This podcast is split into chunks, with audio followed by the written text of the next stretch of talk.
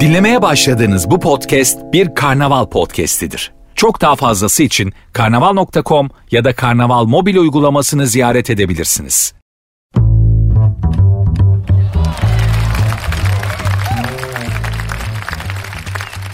Hanımlar beyler herkese merhaba. Saat ünsüz başladı ben Nuri. Saat 22'ye kadar Kül kedisi Cinderella'nın ayakkabısını kaybettiği saatlere kadar sizlerle birlikte olup sizlere iyi vakit geçirmeye, kendi gerçekliğinizden biraz kopartıp başka şeyler düşündürterek rehabilite etmeye çalışacağım. Yaparım yapamam ayrı konu ama yapmaya çalışacağım. Gidiş yolundan not verirseniz hiç olmazsa sevinirim. En azından iyi niyetimden eminim yani. Sizlere iyi vakit geçirmek istiyorum. Az şey midir? Bugün kaç kişi sizin için böyle bir şey yaptı ki? Ya da günlerdir ya da aylardır. Kaç kişi ya dur şunu neşelendireyim, dur şuna kendini iyi hissettireyim dedi ki. Var mı böyle bir şey? Eskiden belki daha çok vardı hayatın daha basit olduğu zamanlarda birbirimizi eğlendirmeye çok çalışıyorduk. Çünkü zaten eğlenmek için birbirimizden başka bir şeyimiz yoktu. Ama artık öyle değil. Artık bir sürü enstrüman var kendimizi eğlendirmek için. Sosyal medya, WhatsApp, TikTok. Artık bunlardan bahsetmenin bir anlamı yok. Yani işte hepsi var. Kendi kendimizi eğlendirmeye çalışmaktan birbirimizi eğlendirmeye, birbirimize hoş ve güzel vakit geçirmeye çabalayamaz olduk. Benim niyetim budur. Sizlere iyi vakit geçirmeye çalışacağım. Bugün enteresan bir şey oldu. Ondan bahsetmek istiyorum sizlere. Bir kafeye gittim. İşte ne yapacağım, ne edeceğim, ne anlatacağım programda falan diye düşüneyim. Biraz yalnız başıma kalayım diye. Bir kafede sota bir yere geçtim. Zaten havalar hala tam mantarlamadığı için millet dışarılarda oturuyor. İçerler bomboş böyle sota bir yere geçtim.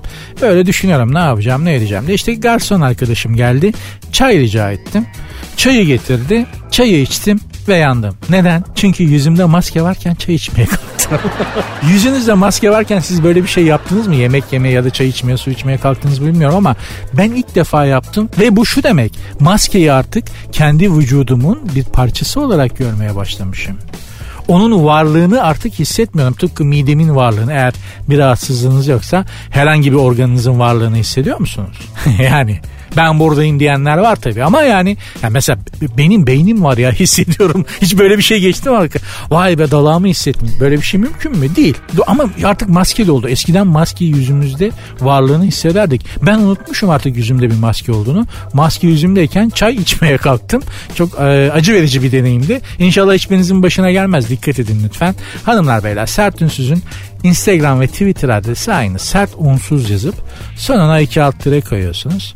Oradan bana ne istiyorsanız yazabilirsiniz. Acımasızca eleştirebilirsiniz. Başkasına kızmışsınızdır. Hıncınızı benden de çıkartabilirsiniz. Sorun değil. Bizim işimiz bu. Bizim sanatımız bu. Üstüme gelin istediğiniz kadar. Mesele değil. Bende o kadar krediniz var. Ha ben programın kurumsal kimliğiyle muhatap olmam kardeşim. Ben karşımda şahıs isterim. Kişi isterim diyorsanız o da var. Benim Instagram adresim de Nuri Ozgul 2021. Sertünsüz devam edecek.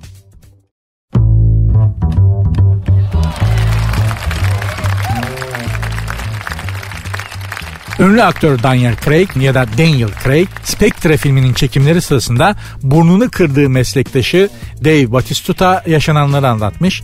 Cümlenin düşüklüğü ve Türkçenin kötülüğü tamamen haberi yapan arkadaşıma aittir. Batistuta Craig için burnumu kırdıktan sonra bana sarıldı ve özür diledi diye konuşmuş.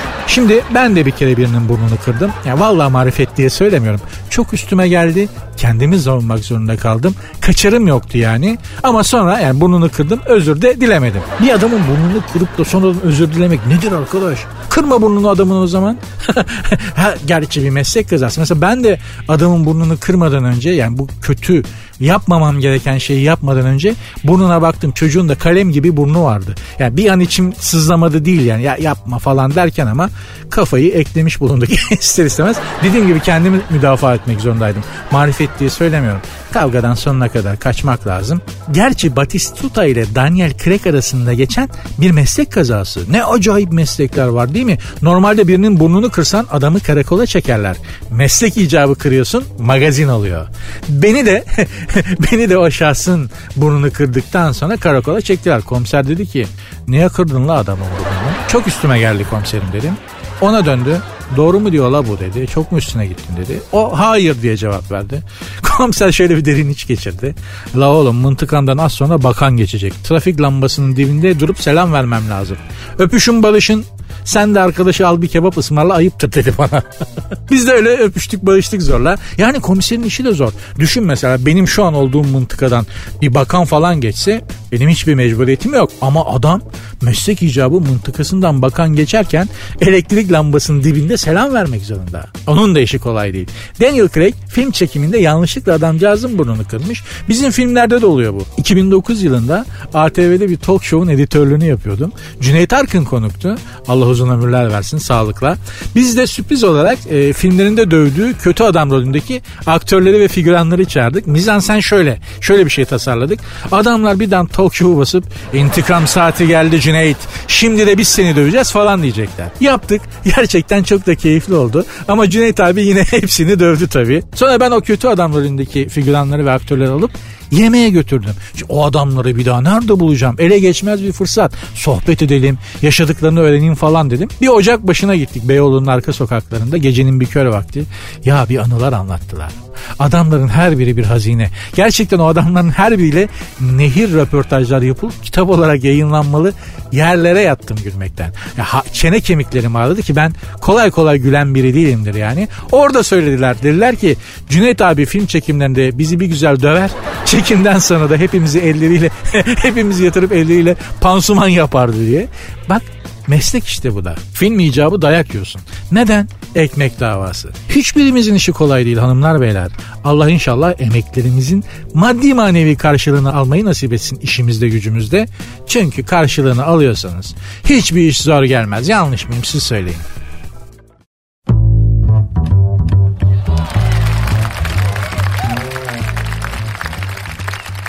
Kısa bir süre önce eski eşi Brad Pitt ile Güney Fransa'daki Miraval şatosu için davalık olan Angelina Jolie bu hukuk mücadelesinden galip çıkmış. Angelina Jolie 164 milyon dolarlık malikanedeki %50'lik hissesini önce elde etmiş mahkeme aracılığıyla sonra da çatır çatır satmış.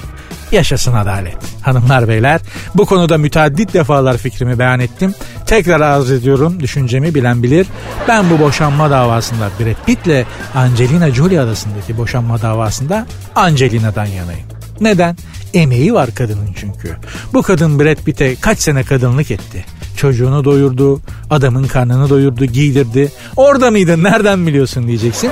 Gördüğümü söylüyorum. Brett haksız diyorum ama şimdi tabii onunki de kolay değil. Yani ona da o açıdan bakmak lazım. 360 derece düşünelim.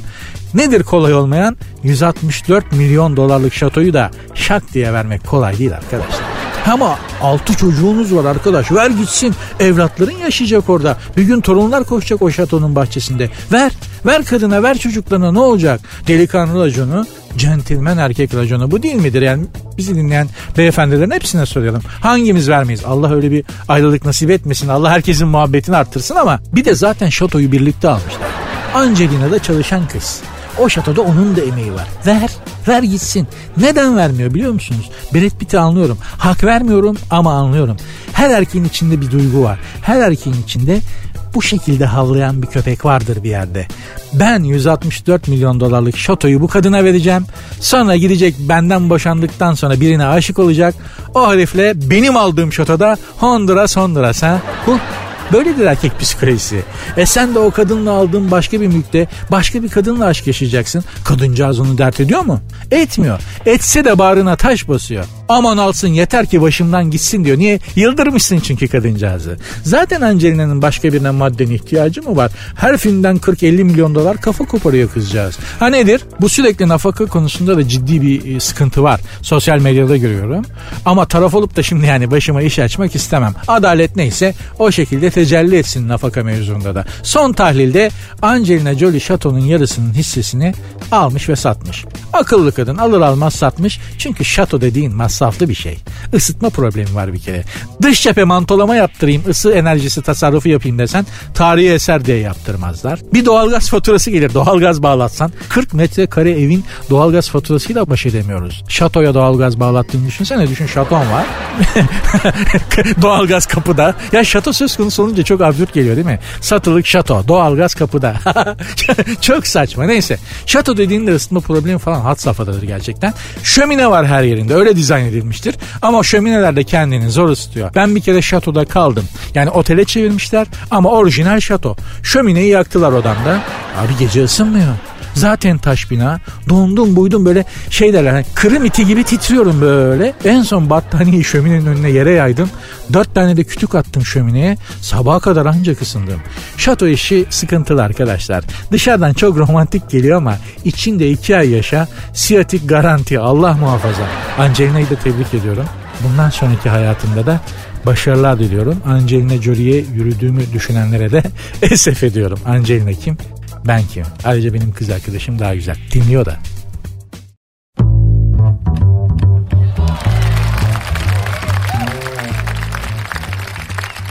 Biliyorsunuz geçen hafta Facebook, WhatsApp falan cozladı. 6 saatte yakın girilemedi. Mentionlaşamayan TikTokçular, Twitter'cılar, WhatsApp'çılar tribe girdiler. 6 saat bunlardan mahrum kalınca ya biz şimdi ne yapacağız derdine düştüler.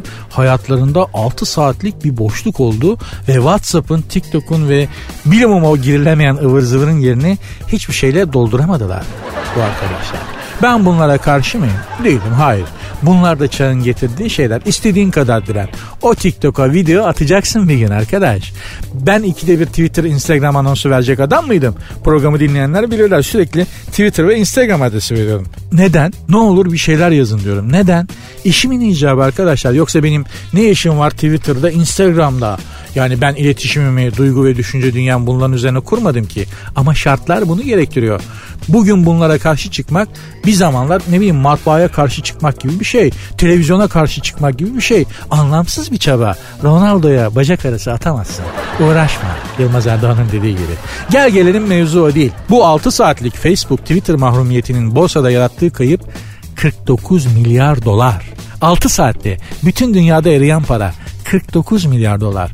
Bana ne diyemezsin bize de yansıyacak. Onu geçtim bu sosyal mecraların sahibi olan Mark Zuckerberg diye bir arkadaşımız var genç bir çocuk. Bir gecede ettiği zararı söylüyorum. Öncesinde telaffuz etmeden önce öksürmek zorunda kaldım. bir daha öksürüyorum. 5.9 milyar dolar. 6 saatte bir gecede. 5.9 milyar dolar zarar etmiş adam. Bunu Türk parasına çevireyim dedim. Hesap makinesi üzgün emoji verdi. Rakam sığmadı ekrana. Büyük başın derdi büyük olur dedikleri bu işte. İçimizde bir gecede 5 6 milyar dolar para kaybedip de akıl sağlığını koruyabilecek biri var mı? Ben tırlatırım. Ben direkt Huni'yi kafama bağlar, elime boş araba direksiyon alıp Sarıyer sokaklarında düt düt diye gezerim. 6 milyar dolar eriyor. Bu aralar hakikaten Mark Zuckerberg'in de kankası olmak da zor. Düşünsene en yakın arkadaşın 6 milyar doları bir gecede kaybetmiş. Baş ver baba cana geleceğine mala gelsin de diyemezsin. O nasıl bir gelme lan öyle. 6 milyarlık gelme mi olur yani değil mi?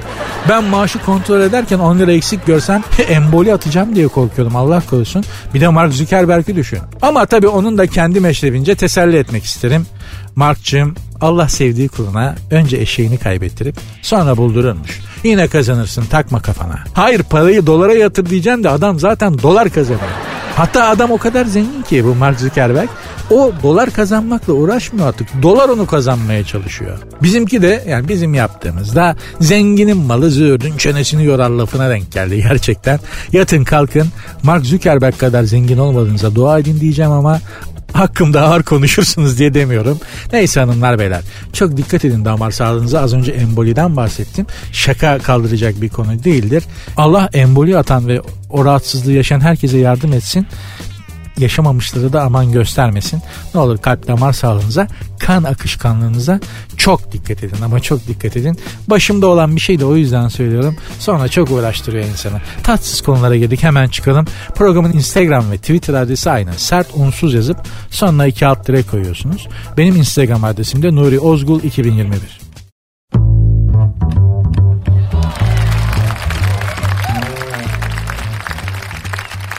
Muteber nine 117 yaşında koronavirüsü yendi.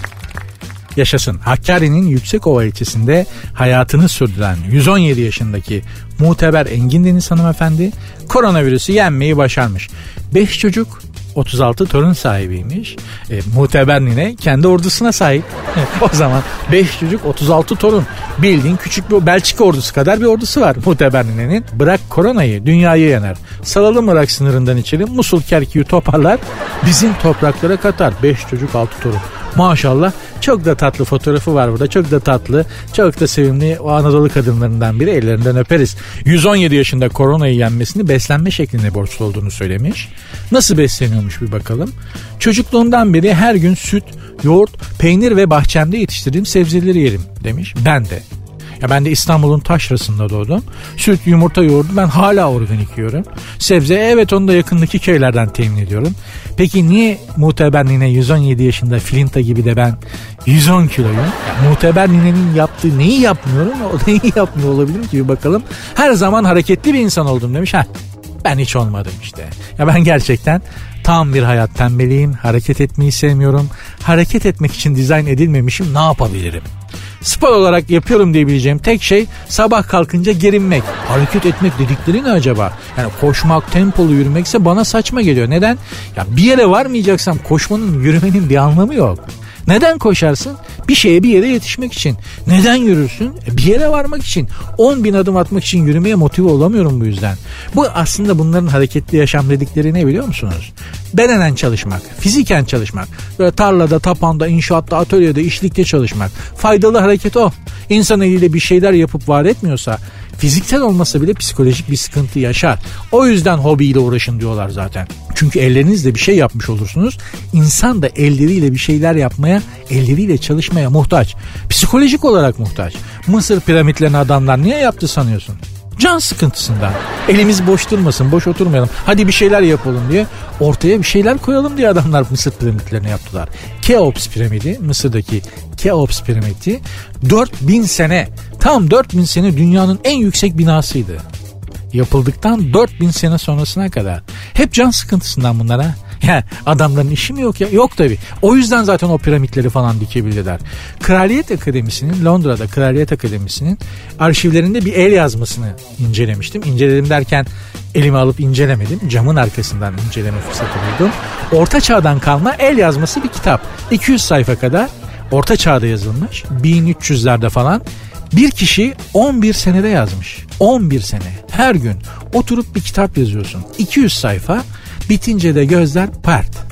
Zannediyorum şeydi Süleymaniye Camii'nin kubbesinin hatlarını yazan hattat Ahmet Şemsettin Karahisari olabilir hattatın adı ya da Hasan Çelebi emin değilim emin olamadım. O işte kubbedeki hatları yazdıktan bir süre sonra kör olmuş.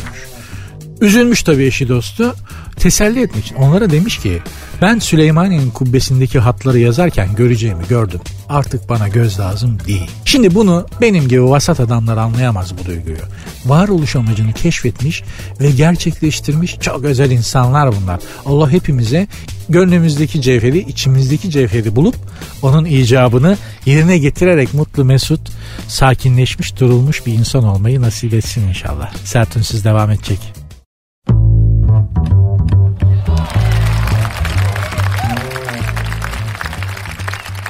Mansplaining nedir? Yapanlarla nasıl başa çıkılır? Mevzumuz bu. Neymiş mansplaining? Uzman olduğunuz konuyu bile size izah eden erkekler. Bunu erkekler yapıyormuş. Kadınlara uzman olsun olmasın her konuya açıklık getirmeye çalışırmış bu erkekler kadınlarla konuşurken. İşte mansplaining veya interrupting denen şeyler böyle şeylermiş. Bir erkeğin bir kadına bir şeyi ondan daha iyi bildiğini ve anladığını düşündüğünü gösterecek biçimde açıklama yapmasından modern hayat ne zor bu. ha 100 yıl önce böyle bir şey var mıydı? Varsa bile farkında mıydık ya? Ya ne kadar ya bu er, biz erkekler de bu erkekler diyordum. Niye kendimi dışarı koyuyorsam. Ben de bunlardan bu söylediklerimden azade değilim ki. Ne çok yanlış yapıyoruz ya. Ya bizi, bizi kim toparlayacak arkadaşlar? Birinin bizi gerçekten bir çizgiye çekmesi lazım artık yani. Bir şeyin bir erkek tarafından bir kadına küçümseyici ve tepeden bakan bir şekilde açıklanmasıymış. Mantrapting'de. Herhangi bir konuda bir kadına böyle bir şey yapacak erkeğin bir kere aklı yoktur bence. Hayatım boyunca yani biraz tabii kendi kariyerimden bahsedeyim şimdiden. Hayatım boyunca yaptığım her işi mesleğim açısından söylüyorum. Değerlendirmesi için kadınlara sordum. Ben 17 sene metin yazarlığı, tekst yazarlığı yaptım. Ya genelde kimseye okutup fikrini sormadım. Sormam. Bir erkeğe asla sormam. Kadir Çöptemir hariç. O da zaten ustam beni yetiştiren mesleği öğreten adam. Usta ne derse o eyvallah. Ama onun dışında bir fikre ihtiyaç duyduğumda hep kadınlara sordum bir erkeğe ya ben şunu yaptım bir baksana nasıl olmuş dediğinde karşı tarafta içgüdüsel olarak da olsa egosantrik bir şey oluyor. Ya dostun olsa bile ona akıl danıştığında o kendini senin karşında alfa hissediyor, üstün hissediyor. Ve dolayısıyla da egosuyla düşünüyor farkında olmasa da. Kadınlar öyle değil. Onlar yaratılışlarından gelen bir sezgiyle yargılıyorlar senin verdiğin metni, teksti ya da işi. Böyle yaptığım için insanların genelde birkaç senede işsiz kaldıkları bir alanda ben 17 sene hiç işsiz kalmadan çalışabildim. Genelde kadınların iş konusundaki yargılarına güvendiğim için. Kadınların anlamadığı şeyler de var diyebilir bazı erkek dinleyicilerim. Ben de sorarım. Ne mesela? Mesela futbol denebilir. Hemen offside falan gelir ya akla malum. İyi de beyler yani tamam kadınlar futboldan anlamıyor diyelim. Biz ne kadar anlıyoruz ki? Biz futboldan anlıyor muyuz acaba? Eğer anlıyorsak bu kadar futbol programında niye bize akıl veriyorlar? Saatlerce. Öyle oldu böyle oldu. Yavaş oynat hızlı oynat. Top neresine geldi orasına geldi. Akıl veriyor adamlar bize sanki kendilerinde varmış gibi. Eğer biz erkekler futboldan anlıyorsak biri bana lütfen Stefan Kuntz'un milli takımda sol bekte neden Rıdvan gibi yıldızı parlayan bir sol bek varken Caner Erkin oynattığını mantıklı olarak izah edebilir mi? Lütfen içinizden birisi ben futboldan anlarım Caner Erkin sol bekte şu yüzden vardı diyebilecek biri varsa başımla beraber dinlemeye hazırım. Bak geri geliyor o zaman Stefan Kunz da futboldan anlamıyor. Kadınlar anlamamış çok mu? Biz anlıyor muyuz ki? Sorun budur beyler. Eğer bir cevabınız varsa lütfen e, sert unsuz Sonunda da iki alt tire var. Sert unsuz yazıp sonunda iki alt tire koyuyorsunuz. Twitter ve Instagram'dan bana cevap yazın. Benim Instagram adresim de Nuri Ozgul 2021. Stefan Kunz futboldan anlamıyor dediğin sen kimsin diye böyle Twitter'dan Instagram'dan yazacak arkadaşlara da seslenmek isterim. Sarkastik anlatım diye bir şey var arkadaşlar. Bir retorik sanatıdır. Onu bir araştırın. Sonra o tweet'i ve e, mesajı yazın. Frans Kafka'nın dediği gibi abartıyorum çünkü anlaşılmak istiyorum.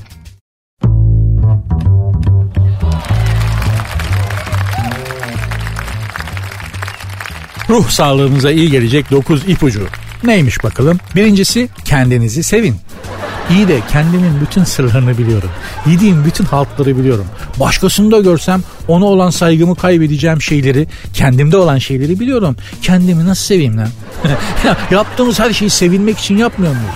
Yani bunun içine takdir edilmek, beğenilmek, başarılı olmak kaygısı da giriyor. Sonuçta sevilmek için uğraşıyoruz işte. Hiç kendini sevmek için bir şey yaptın mı bugüne kadar? Beni dinleyen sana soruyorum. Benim bir arkadaşım vardı Feyyaz. Bu olumlama işine epey bir kafayı taktı. Böyle bir olumlama var ya kendimi seviyorum, kendimi affediyorum, ben çok iyiyim, ben çok değerliyim falan. Bu benim arkadaşım Feyyaz buna bir ara kafayı çok taktı. Psikolog bunu öyle demiş. Sende değersizlik hissi var, kendini sev, takdir et demiş. Her sabah aynanın karşısına geçiyor. Sen var ya on numarasın koçum. Ne istersen yaparsın. Kimse sana engel olamaz. Aslansın, kaplansın. Kadınlar bayılıyor sana koçum benim falan deyip kendinden makas alıyordu adam ya. Kendi yanağından ya. Bazen de bende kalıyor. Sabah vallahi korkuyorum aynanın karşısında öyle yaparken. Ya insan kendinden makas alır mı ya? Feyyaz ne yapıyorsun abi sen deli misin divane misin diyorum. Öyle deme baba çok faydasını gördüm diyor. Ya ben seni tanıdığımda da matbaacıydın. Aradan 25 sene geçti hala matbaacısın. Ne faydasını gördün? Ama başarılı bir matbaacıyım artık diyor. Demek ki faydasını görmüş faydasını görenlere lafım yok. Başka bir şey de neymiş ruh sağlığımız için daha çok gülün. Dur bakalım bunun altında nasıl bir saçmalık çıkacak. Ne yazmışlar? Sürekli asık suratlı mutsuz olmak tüm negatif enerjiyi daha çok üzerimize çekermiş. Doğru. Bu nedenle hayatın iyi yönlerini görmeye çalışın. Hangi hayatın? hangi iyi yönlerini? Polyanlacılık oynamaktan bahsediyor aslında. Her şeyin iyi yanını görme çabası yani. Ama arkadaşlar Pollyanna Amerika Vermontlu. Vermont Amerika'nın en zengin yerlerinden biri. Tabiatı ve doğası en bozulmamış Amerikan şehirlerinden biri. Pollyanna'nın cebindeki para dolar, bugünkü kurlar 8.7 lira. Tabii her şeyde olumlu yanını arar Pollyanna. Sivas Şebin Karahisarlı bünyede çalışmaz onun psikolojisi. Kendinize gülmek için bahaneler yaratın demişler. Bizde o da çalışmaz. Ya deli ya gevşek derler. Sakın yapmayın. Etrafınızda sizi mutlu eden, huzur veren ve birlikte vakit geçirmekten keyif aldığınız insanlar olsun demişler İstanbul'da. 500 TL'de mesela. Hanımlar beyler ruh sağlığımızı korumanın yolu yok. Hepimizin ruhu bir şekilde yaralı ve daha da yara alacak.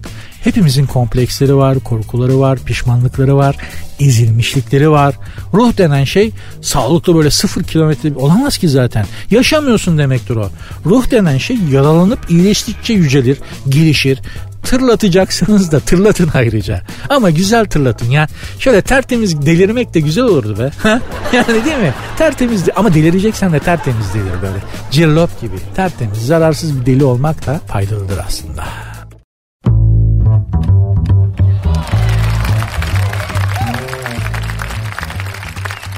Sert devam ediyor.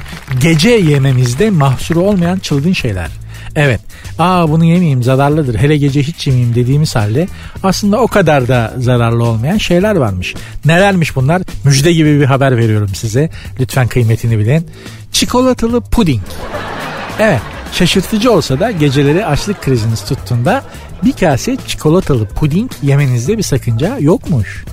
Bir kase puding yaklaşık 90-100 kalori olduğu için rahatlıkla yiyebiliyormuşuz. Acaba bunu yarım kavanoz Nutella ile değiştirebiliyor muyuz ya? Ha? Yani bir kase puding yerine ben yarım kavanoz Nutella denk geliyorsa ben yarım kavanoz Nutella'yı gece uyanıp gömebiliyorum da arkadaşlar. Bir bardak da su üstüne böyle gözler kapalıyken o oh. sonra da vurup kafayı yatacaksın. Direkt katastrofi ama çok keyifli. Neyse çeçil peyniri e, canınız tuzlu bir şey çekiyorsa gece uyanıp da yeme adetiniz varsa çeşit peyniri yenebiliyormuş. Tam yağlı meyhane peyniri yiyebiliyor muyuz onun yerine de? Yani burada da Rütük'ten özür dilerim ve bir hatırlatma yapmak isterim. Meyhane derken yani öyle tabir edilir o peynir de o yüzden dedim. Yoksa kimse meyhaneye gitmesin. Müslüm babanın dediği gibi yıkılsın meyhaneler. Avokado ve süzme peynir. Avokadoyu açık söyleyeyim ağzıma sürmem. Coğrafyamızda doğal olarak yetişmeyen hiçbir şeyi yemem. Tabi buna bakarsanız yani bu mantıktan hareket edecek olursak domates ve patatesi de yemememiz lazım. Çünkü her ikisi de aslında bizim coğrafyamızda doğal olarak yetişmeyen şeylerdi. Amerika kıtası keşfedildikten sonra oradan dünyaya yayılmıştır patates ve domates. Yani Kanuni Sultan Süleyman dünyanın en kudretli padişahıydı. Verdiği her emir Bering Boğazı'ndan Atlas Okyanusu'na, Hint Okyanusu'na kadar her yerde geçerliydi Kanuni Sultan Süleyman'ın. Ama kendisi bir dilim patates kızartması ya da bol salçalı bir patlıcan biber kızartması yiyemeden öldü maalesef. İmtihandır bu Allah bir yerden alır bir yerden verir. Böyledir yani. Kuru incir yiyebiliyormuşuz. Gece uyanıp yeme adetiniz varsa onun içine de böyle taze cevizi tıkıp öyle yiyeceksiniz. Saat gibi gider bak canım çekti imlendirmek gibi olmasın. Ton balığı yenebiliyormuş gece yemelerinde. Olta balığı olmayan balığı ağzıma sürmem kusura bakmayın. Balıkçı aileden gelince de ister istemez böyle şımarıklıklarınız oluyor. Mısır gevreği zararlı değilmiş. E, lif iç açısından zenginmiş. Zararı yoksa keyfi de yoktur. Niye yiyeyim? yani jambon ve tam tahıllı ekmek jambon seven bir insan değilim. Jambon bana ters. Şimdi sayalım bakalım gece uyanmalarında gece kalkıp yememizde çok da mahsur olmayan şeyler nelermiş toparlıyorum. Çikolatalı puding, avokado, çikolatalı süt, mısır gevreği, tahıllı ekmek arası jambon, ton balığı.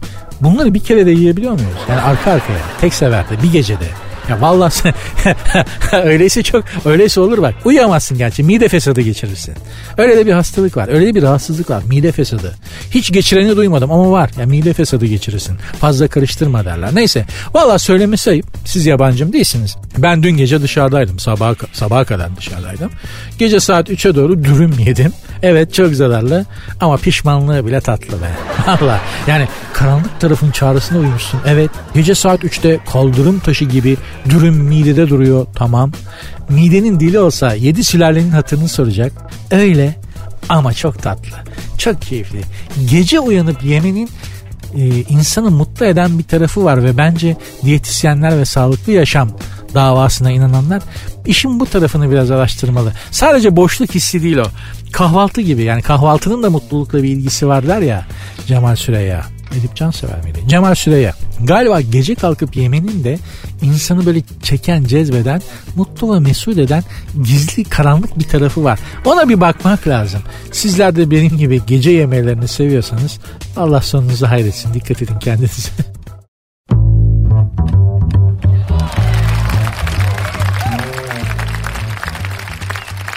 Kulağımıza mandal tutarsak ne olur? Kulağımız küçücük bir yer bir tutam bir tutumluk böyle bir tutamlık bir çimdik bir yer ama kulağımızdaki bazı noktalara mandal tutarak vücudumuzdaki bazı ağrıların hafiflemesine neden olma ihtimalimiz varmış. Bir tür ağrı kesici noktalarmış onlar. Nerelermiş bakalım. Mandalla bazı yerler var. Ne, kulak memesinin neresi olduğunu söylemeyeceğim ki. Evde kendi kendinize denemeyin. Çünkü sakatlık çıkar yani. O yüzden sadece neler olabileceğini söyleyeceğim. Sırt ağrıları için, iç organlar için, ekrem ağrıları için, boyun ve sinüsler için, sindirim sistemi için, kalp ve baş için kulakta hassas noktalar varmış. Oralara mandal tutturursanız bu saydığım yerlerdeki ağrılara iyi gelebilirmiş. Sakın yapmayın. Ya bak bunları sakın yapmayın.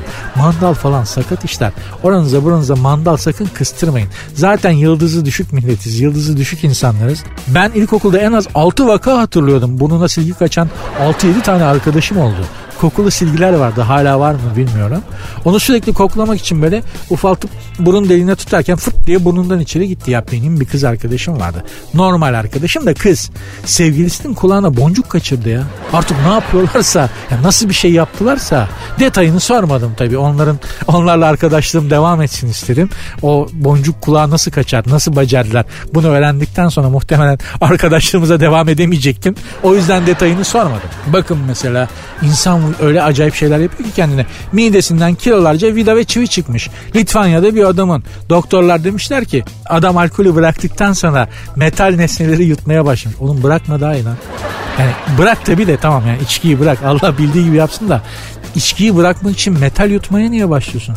O da çok zararlı. Vida yutuyor hem de adam. Yani gerçi dübelle yuttuysa batmaz. Değil mi ya? Dübelin de ne olduğunu neyse. Adana'da bir vatandaşın midesinden de cep telefonu çıkmış çıkar. Yani şimdi bizim bünyeleri araştırsak var ya bir ülkeyi donatacak alet edevat çıkar bizden. Gerçekten bak acayip şeyler yutuyoruz ya. Adam bir de ya Adana'daki vatandaş, Adana'daki arkadaşımız cep telefonu yutan midesinden cep telefonu çıkan arkadaş nasıl yuttuğumu da hatırlamıyorum demiş. Zaten farkında değil karın ağrısı şikayetiyle hastaneye gitmiş. Yuh bu, bu da muhtemelen az önce anonsla bahsettiğim gibi gece midesi kazınıp uykudan kalkıp yediyse o olur o ne yediğini pek bir görmezsin çünkü. Gece yeme adeti olanlar bilirler. Tek ya iki gözde kapalıdır. Bir yandan rüya görmeye devam ediyorsundur. Bir yandan hafif hafif sallanıyorsundur. Dolabı açıp eline ne gelirse yersin. Bu dolaba gittiğini zannedip muhtemelen yolda kaldı. Masanın üstünden telefon aldı yedi bu. Gerçekten bak. Başka açıklaması yok çünkü. İnsan cep telefonu yutar mı lan?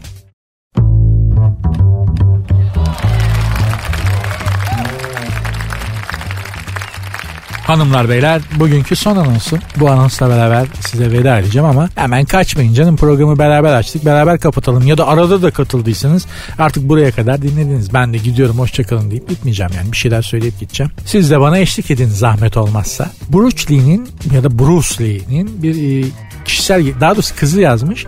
Bruce Lee'nin felsefesini anlatan bir kitap. Şimdi Bruce Lee kung fucu bir abimiz. Hürmete layık da bir insandır. Kendi özel tekniği vardır. Jet Kundo derler. Bir kung fu stilidir. Bruce Lee geliştirmiştir bunu. Bir kung fu stildir dediğim gibi. Fakat Bruce Lee bunu yıllarca geliştirmek için uğraşmış ama bir türlü hale yola kayamamış. Adam bütün bir ömrünü harcamış bu kung fu tarzını stilini geliştirmek için. Sonra bir gün ustası buna demiş ki felsefe oku. Nasıl demiş. Yani demiş git felsefe oku. Bruce ile iki sene boyunca felsefe tahsil etmiş. Felsefe dersleri almış ve felsefe okumuş. Ve diyor ki kendi dövüş stilimi felsefe okuduktan sonra oturttum. Şimdi ben de ben de üniversitede felsefe okudum. Yani felsefeyle adam dövülebileceğini bir bana hiçbir hocam söylemedi. Zaten ne Aristo'da yazıyor ne Platon'da yazıyor ne ne Schopenhauer böyle bir şey söylüyor. Yani yavrum varoluşçuluk var ya öğrenirsen acayip adam döversin. Böyle bir şey yok. Jean-Paul Sartre'ın böyle bir cümlesi yok yani. Zaten dikkat edin çoğu da ezik böyle. Hayatın sildisini yemiş adamlardır. Albert Camus falan. Adamcağız hayata tahammül edememiş yani. Bruce Lee'nin felsefesinden söz ediyorduk. Adam bir kendi dünya görüşünü de geliştirmiş böylece. Şöyle bir cümlesi dikkatimi çekti. Kendi hayatınıza dahil olun. Çünkü çoğumuz için hayat başımıza gelen bir şey. Yani diyor ki Bruce Lee abimiz var olmak, var olmak, yalın haliyle var olmak yaşamak değildir. Adam kendi kung fu tekniğini geliştirmek için iki sene felsefe okumuş düşünün. Kendi varoluşuna bir anlam katabilmiş. Kendi işine bir anlam katabilmek için felsefe okumuş. Yani adam dövüyor evet ama ağzının ortasına yediğin döner teknede de Kant'ın, Schopenhauer'in, Aristo'nun payı var. Dayak yiyeceksen de değil mi böyle dayak yemeye ben razıyım. Hanımlar beyler Ben felsefe tahsil ettim. Programın müdavimleri bilirler. Arada bahsediyorum, arada söylüyorum. Üniversitede de tercihime felsefe yazayım mı abi diyenlere yazma aç kalırsın evladım. Yani hayat bize iyi davrandı ama felsefe yapıp da anaokulu öğretmenliği, felsefe okuyup da anaokulu öğretmenliği yapan arkadaşımız çok.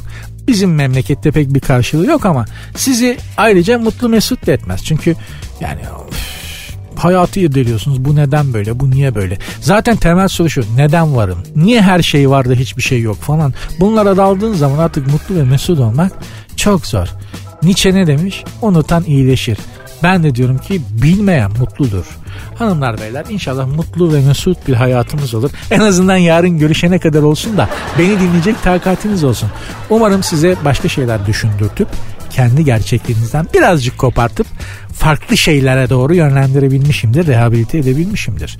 Böyle yaptıysam yemeğimi hak ettim demektir. Bunun mutluluğu da bana yeter.